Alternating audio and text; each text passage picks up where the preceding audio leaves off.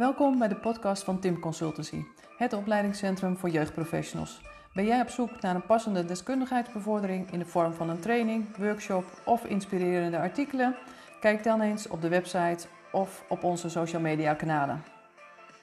Welkom bij een nieuwe podcast van, uh, van Tim Consultancy. Mijn naam is Margreet Timmer en vandaag ben ik in gesprek met Esther Wijnen. Welkom Esther. Dankjewel. Um, jij bent uh, leiderschapscoach, je bent spreker en organisatieadviseur. Allemaal hele mooie, uh, mooie titels, mooie functies waar je in bezig bent. Maar je bent ook auteur van de autobiografie Mijn leven met partnergeweld. Ja, jij bent het probleem, heet die. Ja, met ondertitel ja. dan mijn, mijn leven met partnergeweld. Ja, en dat is waar we het vandaag over, uh, over gaan hebben samen. Ja. Um, heb ik nog iets gemist? Is er nog iets anders wat uh, luisteraars over jou uh, moeten weten? Um, nee, ik denk, het, uh, ik, ik, ik, ik, denk het niet. Ja, misschien, misschien relevant om te weten dat ik in juli 2020 openbaar ben gegaan met mijn verhaal hè, over mijn verleden met partnergeweld. En dat uh, het bewust op LinkedIn, omdat ik een lans wilde breken voor uh, hè, dat dit ook voorkomt onder uh, ja, hoogopgeleide, zelfstandige, onafhankelijke vrouwen. Mm -hmm. En uh, nou ja, dat bericht ging destijds viraal en daar, daarna is heel veel gebeurd. en zo ook ben ik gekomen tot dat boek. Ja. Dus uh, ja, ik, ik pionier nu anderhalf jaar ook met mijn kennis en achtergrond in dit domein. ja.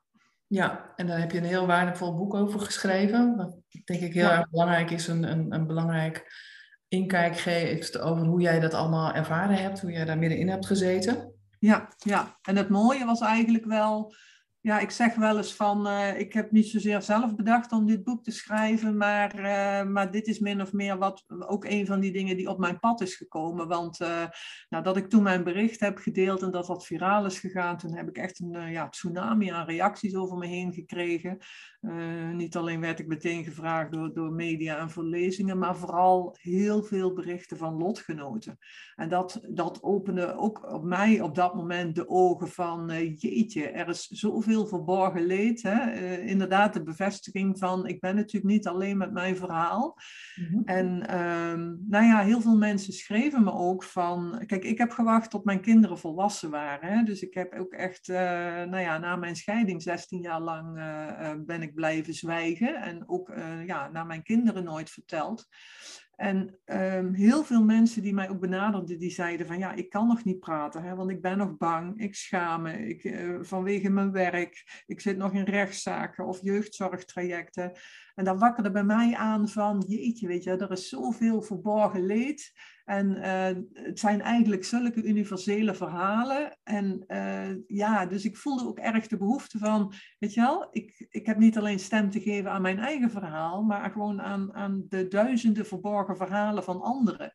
Nou ja, dat maakte ook dat ik toen ben blijven bloggen op LinkedIn daarover. En ja, wat ik dan vaak noem uh, uh, het perspectief van binnenuit ondertitelen. Van hoe werkt het nou echt van binnenuit? Uh, ook vaak omdat er van buitenaf anders naar gekeken wordt of veroordeeld wordt. En um, ja, en zo is dat eigenlijk dus ook met dat, met dat boek gegaan. Het is ook een soort, soort ja, roeping geworden en gehoor geven aan. En dat ik dacht, ja, het is nodig dat dit verhaal op papier komt en dat dat laat zien hoe, hoe verstrekkend uh, dat ook gevolgen heeft. Hè? Niet alleen ja, in de relatie, maar ook daarna. En, en wat de impact is op je kinderen. Dus um, ja, dat is, dat is en wel fijn. En dat krijg ik nu ook veel aan reacties terug. Ja, dat, het biedt lotgenoten herkenning en steun. En, uh, en, daar, en gelukkig biedt het daarmee ook professionals uh, ja, inzicht en, en perspectief op ja, hoe werkt dat dan echt? Ja. Zeg maar van binnenuit. want dat vind ik ook belangrijk om die brug ook te slaan. ja. Ja, en het is een hele bewuste keus geweest om pas met je verhaal naar buiten te gaan nadat je kinderen volwassen waren. Ja, ja, want ik heb echt, uh, nou ja, sowieso, weet je wel, uh, leven met partnergeweld, maar vooral ook dat stuk daarna. Ik heb zoveel dilemma's en worstelingen ervaren met, ja, wat doe je wel en niet? Wat zeg je wel en niet? Wat is wel of niet goed voor je kinderen? Moet je in actie komen of niet? Uh, weet je wel, dat Uh, nou ja, en een van mijn dilemma's was ook van, ja, kan ik ooit aan mijn kinderen vertellen uh, wat, ja, wat mij is gebeurd in het leven met hun vader? Of ja, aan de andere kant, hè, neem ik mijn verhaal, neem mijn graf in. En nou ja, toen de kinderen nou ja, kleiner waren, ja, had ik zelf altijd zoiets van, ja, weet je, dat, dat, dat kan ik gewoon niet maken. Dat is, dat is niet goed voor hen. Ik wil hen niet in extra ja, conflicten brengen. Ze zijn er misschien ook nog te jong voor. Nou ja, weet je, je hebt, je hebt 101 redenen waarom niet. Maar het knaagde ook dat je voelt van, ja, weet je, maar ik, ik heb dus iets uh, verborgen te houden. En nou, toen mijn jongste zoon 18 werd, toen, toen, ja, er was al, ik voelde al een tijdje van, hé, hey, er is in mij uh, opnieuw iets uh, in beweging aan het komen, op gang aan het komen, maar ik kon dat nog niet goed duiden. En toen mijn jongste zoon 18 werd, nou, toen, toen, toen viel er letterlijk een last van mij af. Ik voelde mij gewoon een stuk lichter worden. En het eerste wat door me heen kwam, was dat ik dacht, jee, nu heb ik gewoon formeel niks meer met hem te maken. En, uh, en dat was ergens, ja, was dat een bevrijdende gedachte. En ehm, nou ja, dat heeft toen nog een aantal maanden eh, geduurd hoor, voordat ik toen ook uh, zeg maar in de zomer uh, van 2020 dat bericht ook op LinkedIn heb gezet. Maar ja, als ik daar nu op terugkijk, dan denk ik, het is eigenlijk ook wel weer mooi over hoe, hoe transformatie werkt. Hè? Dat er gewoon toch vanuit een innerlijke impuls, wat, wat, wat begint heel zachtjes, opnieuw iets op gang komt. En wat, wat mij echt dat gevoel gaf van, uh, ja, weet je wel, het is, nu, het is nu de tijd om te vertellen. En op het moment dat ik daarmee naar buiten kwam, voelde ik ook echt dat ik gewoon voorbij angst en schaamte en schuldgevoel was. En dacht, ja, ik heb ook recht op mijn verhaal. Uh, of mijn verhaal, uh, nou ja, mag ook naar buiten. Hè? Want ja. ik realiseerde me ook van, ja, in feite heb ik mijn leven lang concessies gedaan en daarmee doe je ook jezelf weer tekort op een bepaalde manier. Hè? Altijd maar rekening houden met anderen. Zeker, ja. En hebben je kinderen het boek ook gelezen? Nee, ze hebben het boek niet gelezen. Uh, nee, mijn oudste gaf ook aan van, nou ja, weet je, ik, misschien dat ik het boek pas lees als ik het huis uit ben. En de jongste gaf wel aan dat hij het boek uh, wilde lezen. En die, uh, nou, die, die was ook alles uh, begonnen aan de eerste pagina's. Maar uh, nou weet je, ik geef hen daar ook gewoon de ruimte in. Ik wil ja. ze, kijk, ik dring ze ook niet de inhoud op van wat ik allemaal doe. En wel heb ik met hun heel bewust over gesproken van wat ik aan het doen ben. Hè, en ook waarom ik dat aan het doen ben. En ja, vond het ook heel belangrijk om naar hen toe wel te benadrukken van, weet je, dit, alles wat ik doe of wat ik vertel, of hoe ik mijn eigen verhaal ter illustratie gebruik, dit, dit gaat niet over uh, je vader of wijzen naar, of hè, dit gaat ook over mij. Hè. Het is ook een verhaal uh, wat inspiratie biedt. Het gaat ook over moed en veerkracht. Het gaat ook over dat slachtofferperspectief juist. Hè? Kijk, en natuurlijk kan ik mijn verhaal niet vertellen zonder dat de ander daar ook een rol in speelt.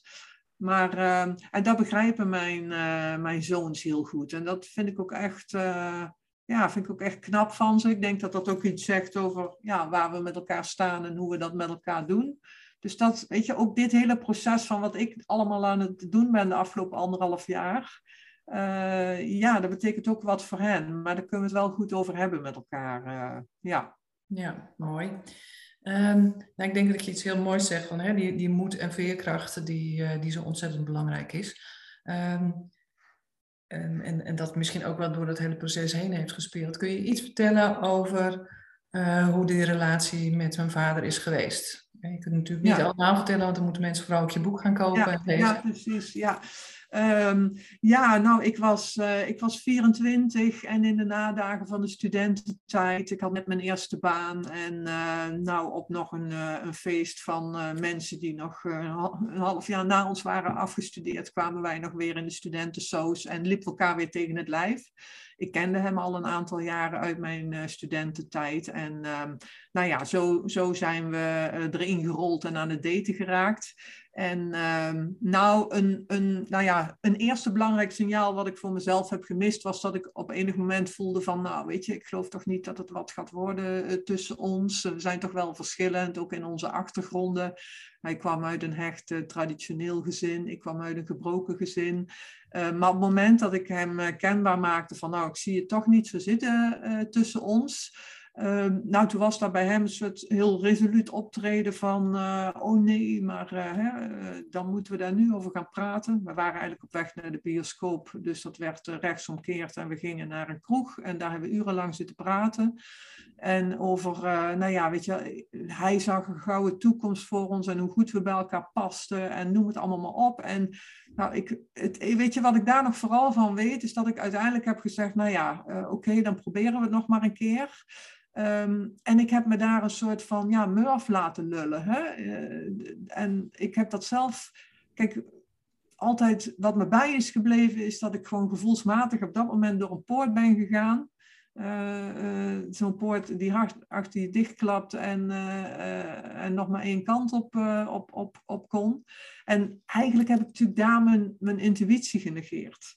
En, maar ja, weet je, dat zegt het gelijk al. Dat is eigenlijk zo'n subtiel iets uh, want weet je wel, uh, al die kleine momenten, die heb jij natuurlijk zelf helemaal niet door. En daarna was het ook gewoon zo, uh, hè, hij was charmante, leuke, joviale vent. Hij gaf mij ook de indruk van, ik wil voor jou zorgen, ik ben ook die schouder voor jou. we hadden ook veel lol met elkaar, ik werd ook verliefd. Uh, en het ging best wel snel in dat eerste jaar. Hè. Er kwamen vriendschapsringen, uh, de ouders ontmoet. Ik mocht al met hem mee op vakantie. We spraken al over samenwonen, hadden het over verhuizen naar een andere stad, ook vanwege zijn werk. En uh, ja, dus dat, ehm, dat, dat ging heel snel. En nou ja, die snelheid in die relatie, dat is ook wel zo'n kenmerk, een van de kenmerken van, van, van het patroon. En uh, nou ja, nog voordat we elkaar een jaar kenden, had hij me altijd een huwelijk gevraagd. Terwijl ook in dat jaar al, nou ja, behalve dat eerste voorbeeld, ook al wat jaloezie en, en beschermingsdrang speelde. En er zelfs al, nou ja, een heel heftig incident was geweest. Binnen een half jaar dat ik hem kende, waarop ik al echt bang voor hem was geweest en de spullen door het huis vlogen. Mm -hmm. um, maar ja, um, weet je, het is, uh, het is verwarrend wat er dan ook uh, gebeurt, ook als je bang bent. Uh, weet je, je, dat speelde toen al, dat je dan te horen krijgt, ja, maar hoe jij het doet is niet normaal. Hè? Dus ik was misschien wel te, te vrij, vrijpostig of te onafhankelijk, of ik ging te makkelijk om met mensen, of, of noem maar op. En zelf ga je dan ook denken, ja, ja oké, okay, misschien is dat dan wel zo. weet je wel, dus daar, daar begint ook al zo langzaam die vertwijfeling. En ik noem het zelf dan ook vaak ja, de glijdende schaal, weet je wel. Zo glij je er langzaam in, hè, want dat zijn af en toe van die, van die incidenten. Nou ja, daarna is er ook weer zoveel anders en zoveel goeds. En uh, ja, trok ik me ook op aan, ja, aan dat leven wat ik graag wilde hebben. En die droom waar ik zelf ook in geloofde. Hè? Dat verlangen naar ja, samen willen zijn, een fijne relatie hebben, nadenken over je bruiloft, kinderen willen krijgen. En ehm, ja, de relatie heeft in totaal uh, zeven jaar geduurd voordat ik op het punt kwam dat ik dacht, uh, ik, ik ga het nu echt niet meer volhouden. Hè? Uh, dat ik ook ja, me echt nog maar die schim van mezelf voelde en, en dacht, ja, ik ben er misschien binnenkort wel niet meer. Ik bedoel, um, ja, weet je, een soort, soort geestelijke nood of wanhoop. Um, was er op het laatste, de laatste twee, drie jaar was het ook al echt op mijn tenen lopen, op mijn tandvlees. Uh, steeds meer kom je in dat dubbele leven terecht dat je denkt van, huh, ik ben toch aan de ene kant gewoon Esther en succesvol in werk en sport en thuis ben ik gewoon bang voor mijn eigen man. Dus je leeft ook in een soort grote mindfuck. Um, dus ja, het is een soort fuik waar je steeds verder in vast komt te zitten. En waarvan je gewoon zelf totaal niet door hebt wat het patroon is. Hè? Omdat je eigenlijk alleen maar bezig bent om steeds door de momenten heen te komen die steeds heftiger worden. Hè? tot op het laatste, dat er bijna geen dag meer is, dat er niks gebeurt. Uh, ja. Ja, want je omschrijft dat inderdaad ook als, als rollercoaster. Het klinkt ook dat je eigenlijk dus geen tijd had om dingen voor jezelf op een rijtje te zetten. Maar dat je eigenlijk dus steeds door zijn gedrag, aan de ene kant veel boosheid en dreiging en, en de andere kant ook wel weer een heel mooi toekomstbeeld creëren en, en voorhouden. Ja, ja. Ja, en weet je, en ik, uh, ik, ik denk niet eens dat ik zelf op dat moment bijvoorbeeld uh, ja, bewust ben van zo'n rollercoaster. Want, want weet je, kijk, je leeft gewoon je leven dag na dag. Hè? Dat, is, dat is hoe wij dat allemaal doen. Hè? En ja, zeg maar, hè? kijk, op het moment dat je daaruit bent, en trouwens heeft dat nog jaren nodig gehad, hè, ook na de scheiding nog, uh, ik was bijna zeven jaar gescheiden, voordat ik uh, me ook pas opnieuw bewust werd van wat eigenlijk het hele patroon was geweest. Omdat ik ook bijvoorbeeld na de scheiding nog, uh, nou ja, niet meer het fysieke, maar wel nog het psychisch geweld nog heel lang mee te maken heb gehad. En dus in feite bepaalde patronen helemaal niet veranderd waren. Hè, wat echt gaat over, over die, ja, die controle en die, en die dwang en, en Um, Dus dat is, ja, ik zeg al van, weet je, op dat moment, je denkt ook, ja, weet je, uh, het is overal wel wat. En uh, wat is nou je referentiekader? Uh, hè, we hebben alleen maar vaak het voorbeeld van onze ouders hè, over relaties. Kijk, zeker als jij jong bent en je komt in een vaste relatie. En zeker op het moment dat je inderdaad richting samenwonen en trouwen en kinderen willen krijgen gaat. Hè, dan denk ik, ja, jonge mensen hebben allemaal zo'n soort beeld van hè, dat, dat is wat je graag wil. Um, ja, mijn referentiekader was, uh, waren mijn ouders. Uh, mijn ouders waren gescheiden. Nou ja, ik kwam dan inderdaad al helaas uh, zeg maar uit een gebroken gezin. Dus ja, zelf dacht ik ook, ja, ja, weet je, misschien, ja, misschien is dit gewoon wat het leven is. Misschien is er voor mij niet meer weggelegd. ja, misschien, weet je, dat, dat ga je ook jezelf maar voorhouden. Um, en op het moment dat dat wel weer goed gaat, weet je, er is natuurlijk ook die vertwijfeling. Van uh, zie ik het dan wel uh, goed? En hey, nu is het wel weer gezellig. En je houdt je ook vast aan wat er wel is. Of familiemomenten of gezelligheid samen. Want ja, er zijn natuurlijk ook uh, goede momenten. En er is ook liefde en genegenheid en knuffelen. En samen ja, je droom willen verwezenlijken. En ja, dus dat is wat, dat is, hè, wat, het, wat het zo lastig maakt. Want ik zeg mhm. ook wel eens tegen anderen: ja, maar kijk, als jij ruzie hebt met je partner ja, dan denk je toch ook niet gelijk van, uh, uh, ja, hou eens even, uh, ik moet hier weg. Kijk, ja, want wat, hoe denk je daar dan over? Hè? En dat is, dat, dat, dat is eigenlijk op, zo, op dat moment ervaar je dat ook zo. Ja, en, en je zegt van, ja, er zijn altijd wel ruzies. De ruzies tussen jullie of vanuit hem naar jou waren heel heftig en gewelddadig. Zat daar een, een, opbouw in? Of zeg je van nou, dat was eigenlijk vanaf het begin al? Ja, nee, dat, dat, dat gaat wel inderdaad uh, geleidelijk. Ik denk ook dat daarin grenzen steeds verder vervagen. Hè? Dus zeg maar in die begintijd was het natuurlijk, als er dan een ruzie was geweest of een uitbarsting, dan was het natuurlijk van, uh, oh sorry en ik maak het goed met je en uh, ik wil dit niet. En weet je, ik heb ook al die jaren geloofd dat hij dat echt niet wilde of mij pijn wilde doen en dat dat voortkwam uit onmacht. Hè. Ik had toen allemaal nog helemaal geen weet van dat dat eigenlijk dat patroon van die intieme terreur en wat dat is. Hè, en dat dat gaat over, over die machtsongelijkheid. Dus ja, je denkt zelf ook van, uh, ja, natuurlijk houdt hij van mij en, en wil hij dat niet. Uh, en dan daarnaast denk je, ja, misschien ben ik dan inderdaad wel uh, te dit of te dat. Um, weet je, en dat is, maar ja, het, het begint bij uh, schreeuwen, schelden. Uh, dat wordt dan uh, vastpakken, vastgrijpen. dat worden urenlange monologen. Dat worden stompen. Dat worden spullen die door het huis vliegen. dat wordt op een gegeven moment dat je naar de keel gegrepen wordt of tegen de muur wordt gezet. En dat, dat gaat eigenlijk wel van kwaad tot erger, weet je. En dat is op een gegeven moment nou ja, die laatste twee, drie jaar van die relatie, weet je wel. Op een gegeven moment zijn je eigen normen ook zo vervaagd dat je gewoon eigenlijk niet meer weet van is, is dat wel of niet nog oké. Mhm. En dat heeft, ja, dat heeft er ook mee te maken dat je gewoon uh, dat, is dat, dat is dat vastzitten. Dat is dat terechtkomen in je overlevingsmechanisme. En op een gegeven moment uh, ja, ben je een jonge moeder uh, met twee kinderen, die ook nog vier dagen werkt, die dat hele huishouden heeft te runnen, want dat kwam merendeel op mij neer. weet je, dus je bent ja, ik, ik schrijf ook in mijn boek over, ik voelde me op een gegeven moment gewoon een soort dolgedraaide hamster in een rat. Je rent maar rond en probeer daar maar eens uit te springen. Hè, ik was ook tureluurs van mijn eigen leven, maar je moet door. Want je hebt eigenlijk helemaal niet de ruimte om, om, om te denken of om eruit te stappen. Want ja, jou, jouw kinderen vragen om aandacht. Jij moet opstaan, je moet de boel doen. Kinderen moeten naar school, jij moet naar je werk. En dat is ook, ehm, ja, Hè?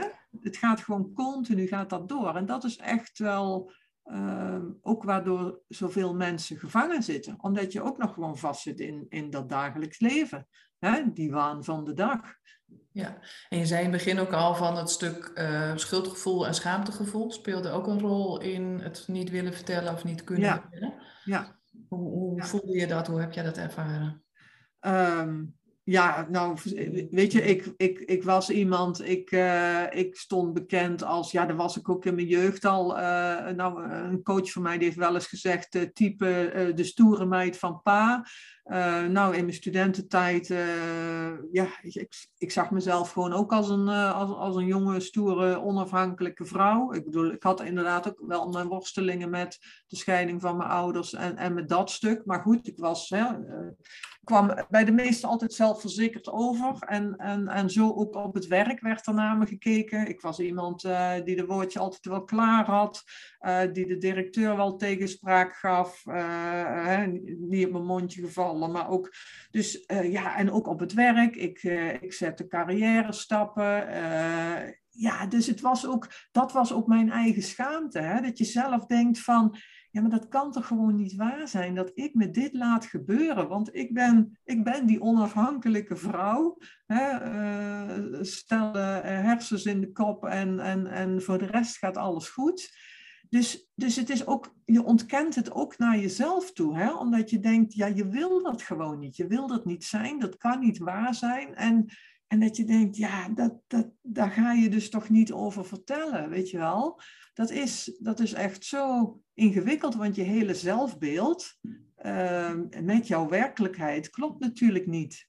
Hè? En, en tuurlijk is, is, is dat zelfbeeld is natuurlijk ook deels een masker, hè? Uh, omdat je, ja, uh, ik bedoel, zo, zo ben ik door het leven heen gekomen. Nou ja, ik denk natuurlijk echt wel uh, grotendeels mijn karakter, maar ook wel nou ja, door de scheiding van mijn ouders inderdaad al jong geleerd voor mezelf te zorgen. En dus ja, en daar wil jij gewoon absoluut voor jezelf eh, niet aan toegeven, want dan, dan gaat jouw beeld aandiggelen. Maar dan word jij ook kwetsbaar. Stel als ik dat zou doen, dan word ik ook kwetsbaar. Nou, en als iets, uh, als iets is wat je niet kunt gebruiken, is dat je kwetsbaar zou worden, want dan, dan overzie je het al helemaal niet meer.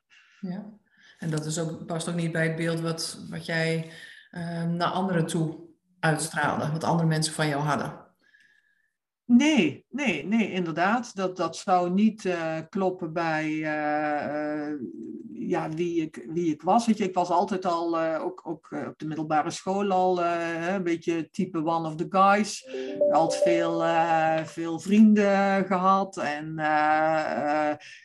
ja, ja ik, ik redde me altijd wel. Ja, wat ik al zeg, dus, dus alles Mhm. Ja, alles klopte daar niet uh, mee. Hè? Wie het was in sport, uh, ook uh, nou ja, goed lachs en, en, leuk. En ja, ook op het werk. Dus um, ja, dat, dat zou, nee, dat, het, het, dat was dan juist ook natuurlijk wat ik wilde, verborgen wilde houden van mezelf.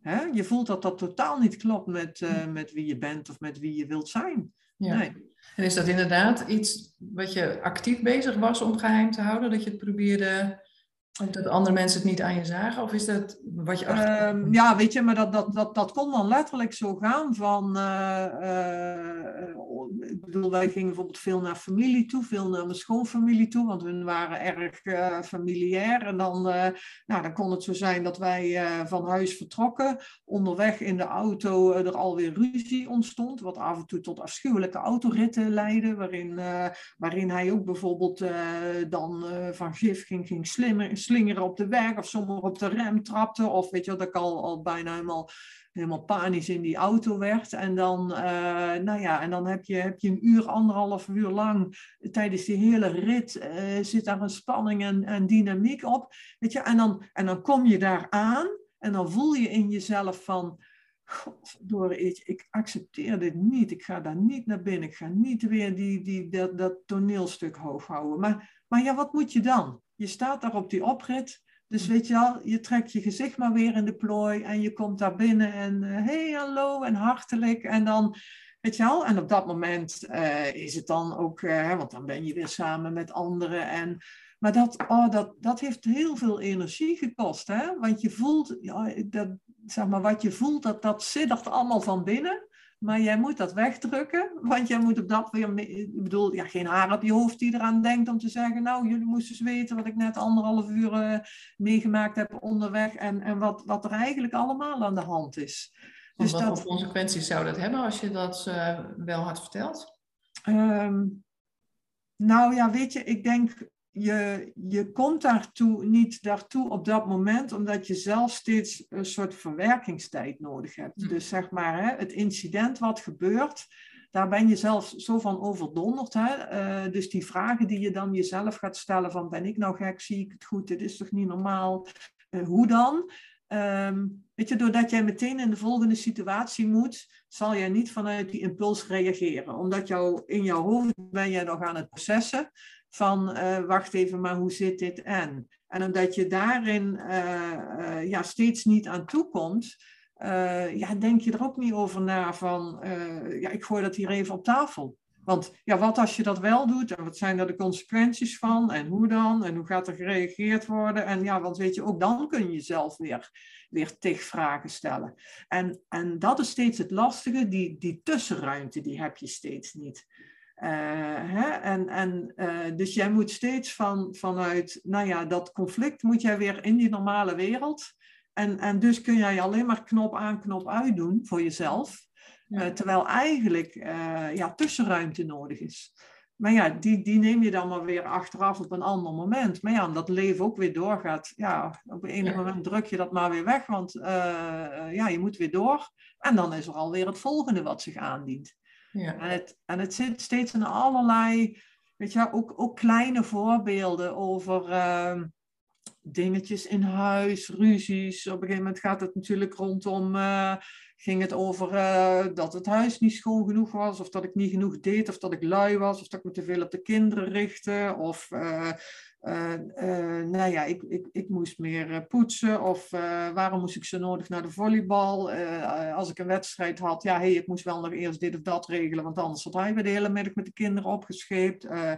ja, weet je, je, naar dat einde toe, je bent eigenlijk alleen maar bezig. Voor mij was werk en sport waren wel twee belangrijke uitlaatkleppen die ik ook nog had. Kijk, ik heb mezelf ook afgevraagd, heb ik het nou uh, uh, ondanks of dankzij werk en sport zo lang volgehouden? Mm.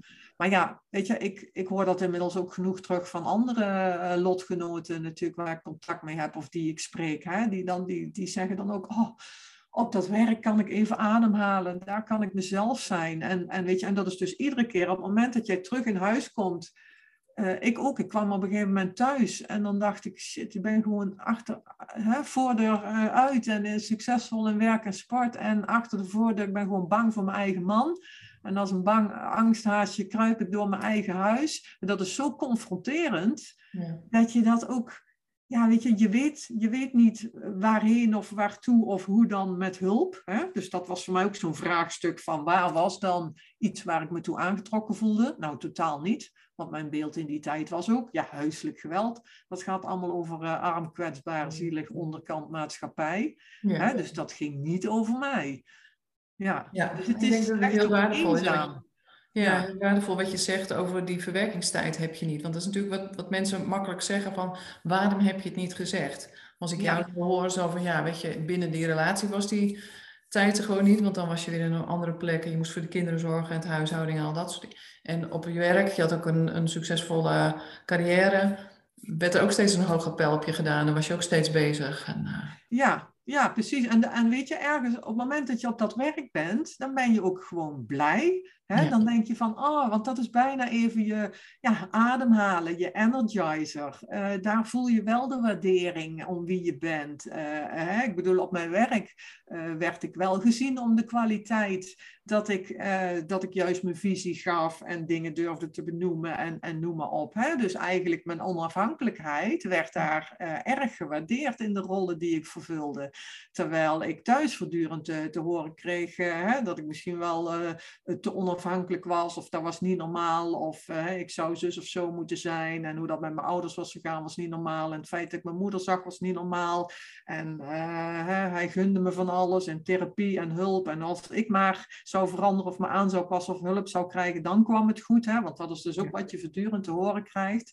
Maar inderdaad, thuis uh, zit je er gewoon continu in. En, en je bent alleen maar aan het processen in je hoofd. Je probeert die boel wel op een rij te krijgen voor jezelf, maar je krijgt die boel niet, niet op een rij.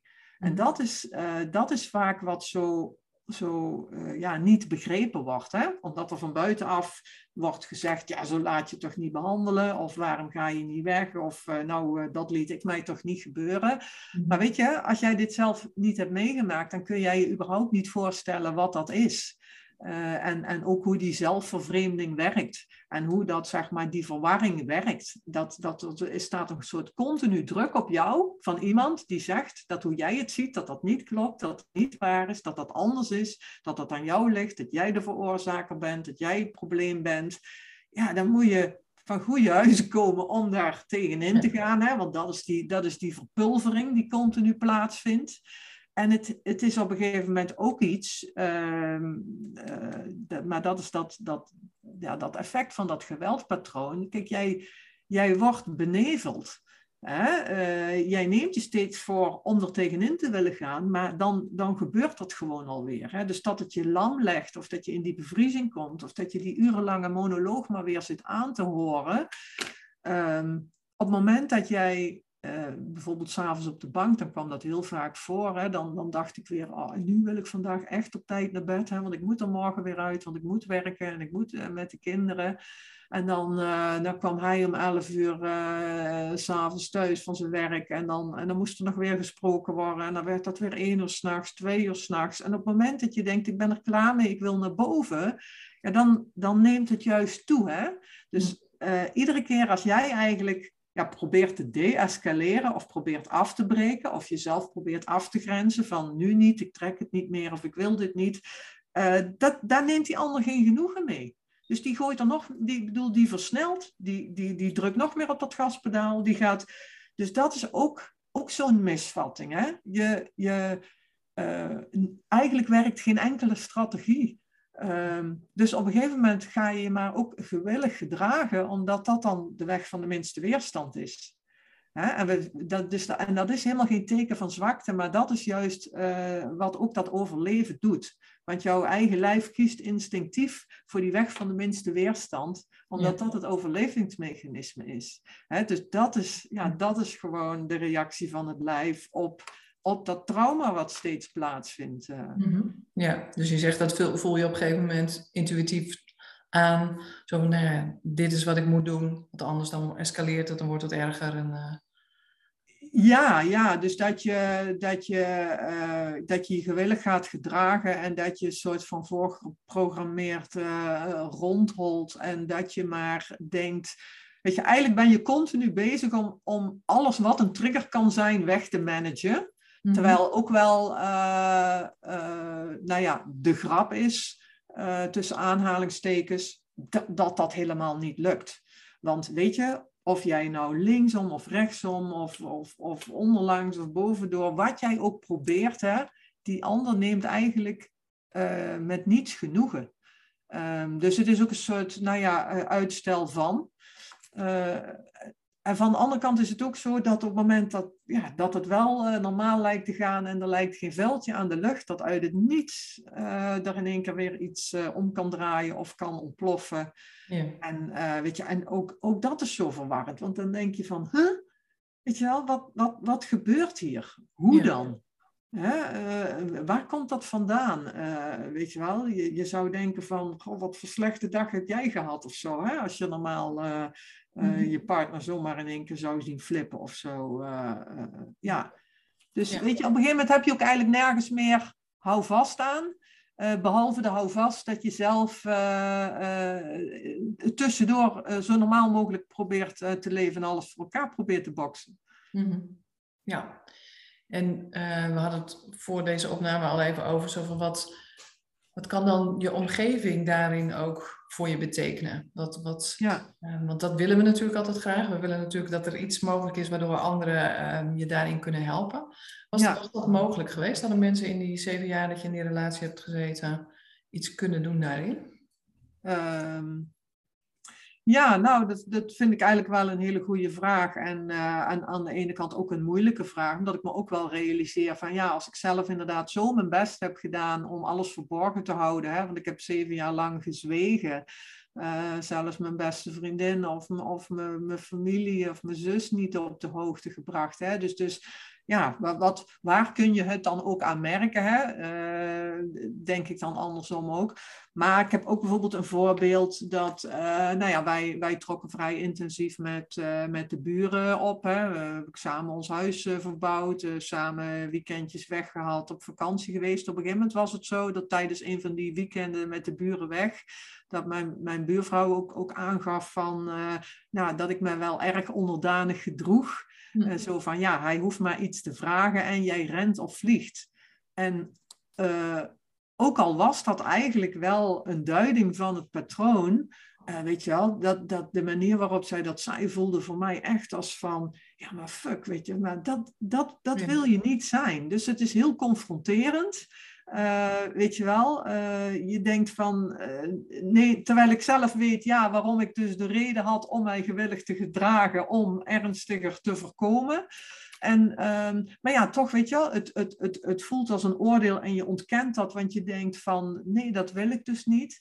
En terwijl, ja, weet je wel, haar intentie was ja, was natuurlijk eh, misschien helemaal niet verkeerd. Hè? Misschien om mij wakker te schudden.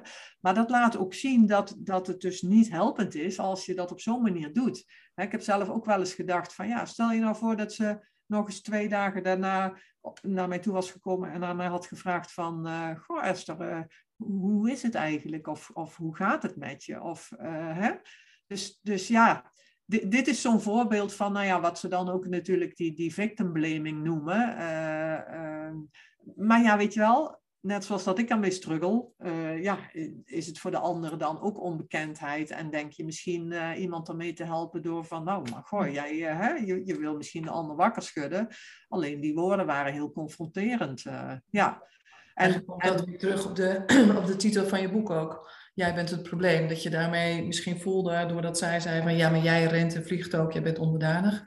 Zo ja. Dat, jij nou dus ja, je krijgt uh, precies, hè, weet je, ik, ik, ik, kreeg dat natuurlijk al voortdurend uh, te horen van mijn partner. Namelijk, uh, hè, ja, jij, jij zorgt ervoor dat ik zo ver kom, jij veroorzaakt dit. en ja, weet je wel, en dan is ook zoiets van buitenaf is ook uh, uh, ja, is gewoon heel confronterend. En um, ja, ik heb ook wel eens uh, ja, richting mijn schoonfamilie heb ik wel ook gevoeld van.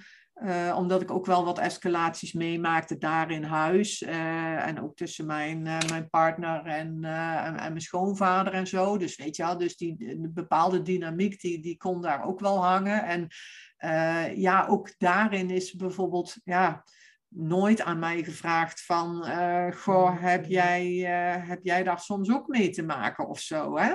Mm-hmm. Uh, terwijl ik wel dacht van, nou ja, zij zagen ook in ieder geval uh, wat zich voltrok of hoe mijn partner was, hè? Maar goed, dat is achteraf gezegd ook weer mijn eigen hele zoektocht geweest van, hoe zit het, waar komt het vandaan en hoe dan? Maar dat weet je, zij zaten nog het dichtst bij het zien van, van uh, dynamiek die er was. Hè? Al was dat niet op dat moment bijvoorbeeld tussen ons, maar wel van, van dynamiek die er was. Um, maar ja, daar ervoer ik altijd een beetje het, het, het wegkijken en het zwijgen erover. Hè? Want, want zeg maar, uh, als we daar waren en er was iets voorgevallen, ja, daar werd gewoon uh, ook uh, de volgende dag niet over gesproken, vooral genegeerd. Mm -hmm. Dus ja, weet je, dat, dat, dat, dat bevestigt je extra, ja, dat je, dat je alleen staat. En um, ja, Weet je, natuurlijk, op het werk uh, wilde ik ook niet dat iemand het zag. Dus daar laat je niks los. Uh, naar uh, mijn sociaal leven zat erg in het volleybal. Ja, daar, daar laat je niks los. Ja. Um, en ik heb me nooit aangesproken gevoeld door, um, ja, wat ik al zei, informatie of dingen die ik zelf las. dus ik denk van, um, ja, wat, wat stel je voor dat ik op mijn werk of op internet of zo daar bijvoorbeeld wel over gelezen zou hebben. Hè? Mhm. Net zoals dat je gelukkig merkt dat er nu dan meer aandacht komt voor, nou ja, niet alleen geweld en grensoverschrijding op de werkvloer, maar nou ja, ook met vertrouwenspersonen of met wat kan je überhaupt meemaken als mens. Hè? Daarom mhm. denk ik ook dat het nodig is dat we ook op werkvloeren daar veel holistischer naar kijken van überhaupt het hele welzijn van je medewerkers en wat kunnen die wel niet allemaal meemaken in hun uh, privéleven en dat je daar ook uh, dingen over aanreikt. Hè? Ik denk dat dat goede manieren zijn van, van preventie. En, uh, ja, en ook dat psycho-educatie dus belangrijker is. hè? Veel, veel sensitiever dan in algemene zin, zeg maar. Hè? Ik bedoel, ja, woorden als hulp en kwetsbaar maar ook, uh, de, ja, dat, dat, weet je, dat, dat zat natuurlijk niet in mijn vocabulaire. Hmm. En uh, ja, als ik wel eens nu zo'n zo'n site bekijk van zo'n hulporganisatie, dan, dan spring, springt van de homepage al tien keer het woord hulp van je af. dus ik, dat heeft mij ook wel aan het denken gezet van ja, uh, heb je niet op een andere manier ook soms nog, nog dingen uh, te doen of, of uh, te werken aan die preventie of voorlichting te geven richting verschillende doelgroepen. Mm -hmm. uh, hè? Kijk, ik, ik ben ook nooit met mijn kinderen in een, in een hoe heet dat, zo'n zo, zo buurthuis of, of wijkcentrum of jongerencentrum of, of dat soort locaties gekomen. weet je wel, dus dat, dat, dat was wat dan mijn associatie was met. Hè? Ja. ja, dus je zegt eigenlijk van door, door uh, het beeld wat er maatschappelijk is over wat is huiselijk geweld, dat jij ziet van ja, maar dat gaat helemaal niet over mij. En als ik dat hulpbehoevende stuk zie, dan, wil ik ook, daarin uh, identificeer ik mij ook helemaal niet mee. Dus daar, dat we daar nog iets in te doen hebben, maar ja. ook op het werk uh, ja. informeren, dat niet alleen hoe gaat het op je werk, maar ook hoe gaat het met jou als mens. Ja, want weet je, ik, ik denk ook, nou ja, als ik dan kijk, uh, ja, wij waren twee verdieners. Hè? Je woont op een gegeven moment, uh, nou, je koopt een huis, je zit in zo'n tweeverdienerswijk, uh, je zit inderdaad en ik denk van ook dat, hè? dus uh, ik bedoel uh, ook, op, ook op school en ook toen wij gescheiden waren, nou ja, komt dat dan samen op school. Ik denk dat dat bijvoorbeeld ook al heel veel misleiding is, waardoor misschien gedacht wordt dat, dat, dat, dat komt daar niet voor of zo. Hè? Of, uh, goh, dat is nou ook typisch. Nou, net dat vervelende jongetje uit de klas. Nou, dat is dan net eigenlijk iemand die inderdaad ja, wel bij ons in de wijk woont, maar eigenlijk uit een, uh, uit een heel ander type buurt komt. En dan, dan weet je, net of dat al bijna weer meer verklaart uh, dat. Hè? Maar dat is dan zichtbaar. Weet je, ik denk ook zeker, kijk, hoogopgeleide mensen zijn, zijn denk ik gewoon, die zijn natuurlijk makkelijker in staat om dingen te maskeren en te verbergen. Uh, hè, ook omdat ze natuurlijk gewoon andere vaardigheden hebben, uh, andere cognitieve vermogens. Dus hè, dat, ik, dat, is, dat is denk ik ook iets waar je doorheen moet kijken. Maar gewoon hele, ik bedoel, context is dus al bepalend. Uh, hè, uh, context, uh, type mensen, nou ja, het gedrag wat goed gemaskeerd kan worden. het belang om het te maskeren is nog veel groter, hè, want ja, daar hangen banen en functietitels en, en, en weet ik allemaal wat, hangt er vanaf. Hè. Ik bedoel, dat, dat, dat is ook wat ik nu, dus wat ik jou al aan het begin zei, hè, waarom vaak mensen zeggen, ja, ik ga echt niet spreken, want vanwege mijn baan of werk ja, ik heb dat stuk op een gegeven moment achter me gelaten. Dat ik dacht, nou, uh, weet je, ik hecht niet meer aan mijn ego of status of macht. En als het daar nog over moet gaan, dat omdat ik hierover spreek, dat ik een bepaalde rol niet meer zou kunnen vervullen. Nou ja, dan, dan, dan is het maar zo. Ja. Maar weet je, ik denk wel dat dit allemaal van die, ja, van die voorbeelden zijn. Um, ook de professionals zelf, uh, die werken bij, bij hulpinstanties of bij Veilig Thuis of in die wijkteams of uh, in, in de keten van, van justitie en veiligheid. Ik denk dat we als mensen allemaal de neiging hebben om te denken, uh, dit gaat niet over mij, dit gaat over anderen. En daarom zeg ik ook heel vaak, nou, dit gaat juist wel over ons. En dat hebben we aan te kijken. En uh, weet je wel, want als we altijd denken dat dit niet over ons gaat, dan, dan distancieer je er ook op een bepaalde manier van. Ja. Uh, terwijl andersom, weet je wel, jij kan ook je mensstuk in je professional zijn, kun jij helemaal niet, uh, niet uitsluiten. Hè? Dus dit raakt ook dit raakt ook jouw mechanismes. Ja. Uh, je zit niet alleen als professional te luisteren, jouw, jouw mensstuk doet ook mee. En ik denk, ook daarin komt dan zo'n stuk primaire afweer bij zo'n professional, dat je bijna denkt, nou, dit, dit kan misschien niet waar zijn of niet zo erg zijn. Hè? Of daarom wordt het maar weer teruggelegd op het niveau van uh, waar de twee vechten hebben, de twee schuld. En, en, en dat maakt ook vaak dat dat eenzijdig partnergeweld uh, natuurlijk als zodanig helemaal niet onderkend wordt. Hè? Maar goed, dat is een ander zijstapje, hè? maar dat ja, is gewoon ook hele, heel belangrijk. Maar, ja. hele, hele thematiek over uh, dat alles maar uh, veel te veel partnergeweld belandt in dat frame van die vechtscheiding. Met mm. alle gevolgen van dien. En uh, ja, we moeten echt terug naar uh, eerst eens even goed zien. En, en ik bedoel, hè, op het moment dat dan dit in aanraking komt met Veilig Thuis of met instanties of met hulpverlening of bij de huisarts of al bij die leraar op school of, of bij wie dan ook. Uh, ja, het is gewoon nodig dat we leren kijken van dit is overal. En uh, wat kunnen signalen zijn? Heel zelfverzekerd gedrag of ontkennen of ja, dat laat ik mij toch niet gebeuren. Ja, dat, is, dat, dat bewijzen van is dat ook al kan een signaal zijn. Hè? Ja, dus daarin ook niet te snel laten afschepen. Nieuwsgierig nee. blijven. Maar ik denk ook mooi wat je zei van dat professionals zichzelf ook moeten, moeten kennen om te weten van hé, hey, wat, wat voor beelden heb ik dus eigenlijk uh, bewust of onbewust meegekregen vanuit mijn eigen socialisatie over hoe kijk ik naar geweld en wie overkomt dat. En ik denk ja. dat het heel mooi is dat jij door, door je boek en de presentaties die je geeft en hopelijk ook door deze podcast, um, dat je weer zorgt voor een stukje bewustzijn, een stukje kennis. Uh, nou ja, dat, dat mensen ook dit meenemen in, dit is er ook. Dit, dit is een andere kant van partnergeweld die er ook gewoon is en daar moeten we ook uh, alert op zijn. Ja, ja. ja, en ik denk ook, weet je, we moeten veel verder kijken dan alleen de, de uitingsvormen van het geweld. Dus uh, vaak focussen we natuurlijk op, ja, is er fysiek geweld of, uh, of, of psychisch geweld of seksueel geweld of economisch geweld.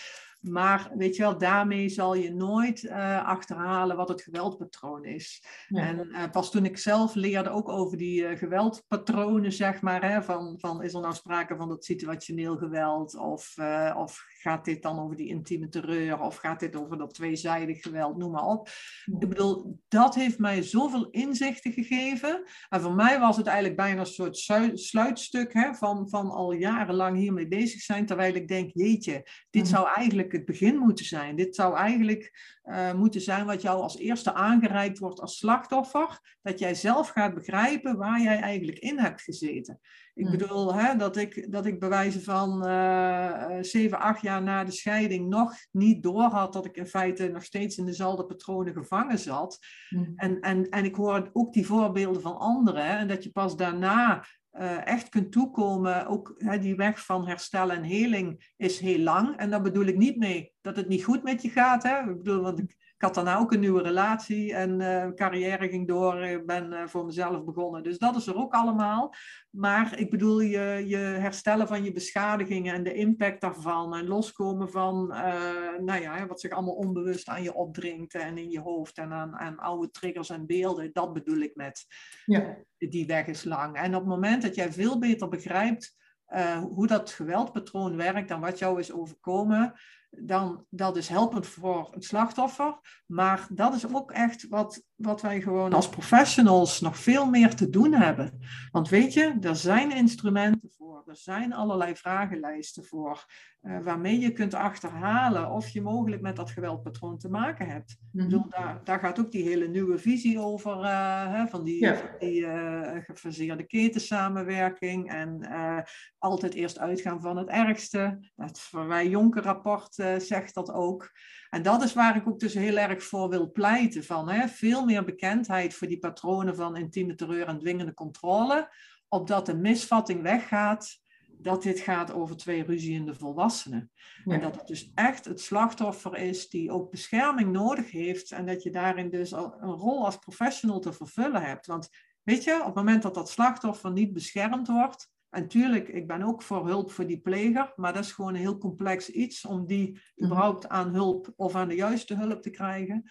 Maar dat slachtoffer heeft bescherming nodig, anders kan die nooit stappen zetten om hier uit te komen. En dat ja. is ook waarom ik ja, van veel andere uh, lotgenoten hoor dat ze nog geen stappen zetten, want ze vinden die borging ook niet bij de, bij de professionals, zeg maar. Uh, omdat het eerder bedreigend is als gezegd wordt, ja, maar dan ga ik ook jouw man informeren. Ja, dan laat iemand het wel uit zijn hoofd om nog met jou in gesprek te gaan.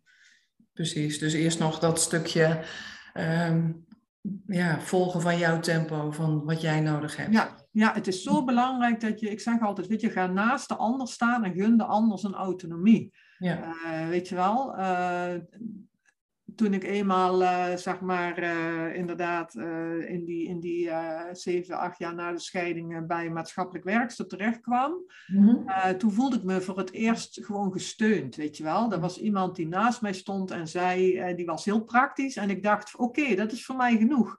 Weet je wel, geef mij maar de handvaten. Ik kan zelf wel weer, weer handelen. Hè? Ik ben niet iemand die aan de hand hoeft te nemen, maar, maar met input kan ik weer mijn ding doen.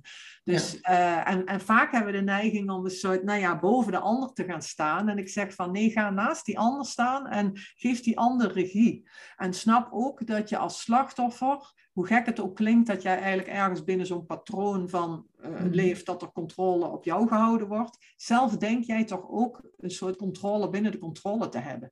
En, ja. en dat moet je ook die ander gunnen. En inderdaad, mooi wat jij net zegt. Beweeg mee met dat tempo van die ander. Want weet je, uh, je kunt pas echt stappen zetten of eruit komen als jij ook innerlijk uh, zo ver bent. Want het, het, het vergt gewoon een bepaald, door een bepaalde gebeurtenis vaak hè, komt er wel in één keer dat inzicht van nee, en nu is het klaar. En ik geloof er wel nog in dat er iets anders uh, voor mij is weggelegd. Of hey, je ziet wel licht. Of je hebt wel uh, door steun van iemand dat je denkt, hey, mm -hmm. dat is het moment waarop je gewoon langzaam ja, kunt gaan activeren om die ander die kracht mee te geven van, van hoe dan. Ja. Maar tot die tijd overmatig proberen te, te trekken of duwen of zelfs gaan dreigen met, uh, ja, als jij niks doet, ga ik het doen. Mm-hmm. Dat, dat, dat, ja. Is, ja, dat is de dood in de pot, zeg maar. Uh, ja. ja. Dus vooral, je zegt van uh, de regie bij die ander laten, maar ook die autonomie. Gewoon ja.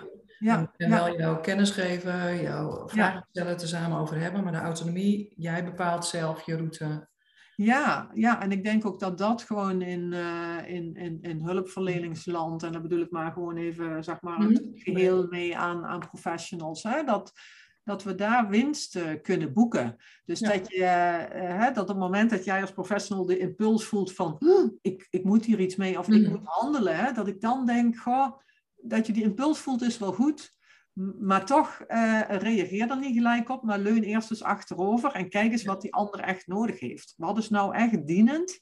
Wat is nou echt uh, behulpzaam op dat moment? Hè? En, en we moeten denk ik ook niet te bang zijn, uh, ook niet doordat er meldcodes zijn en allerlei protocollen, maar gewoon, weet je, ga eerst eens in gesprek met iemand. Luister eens, ben er eens voor de ander.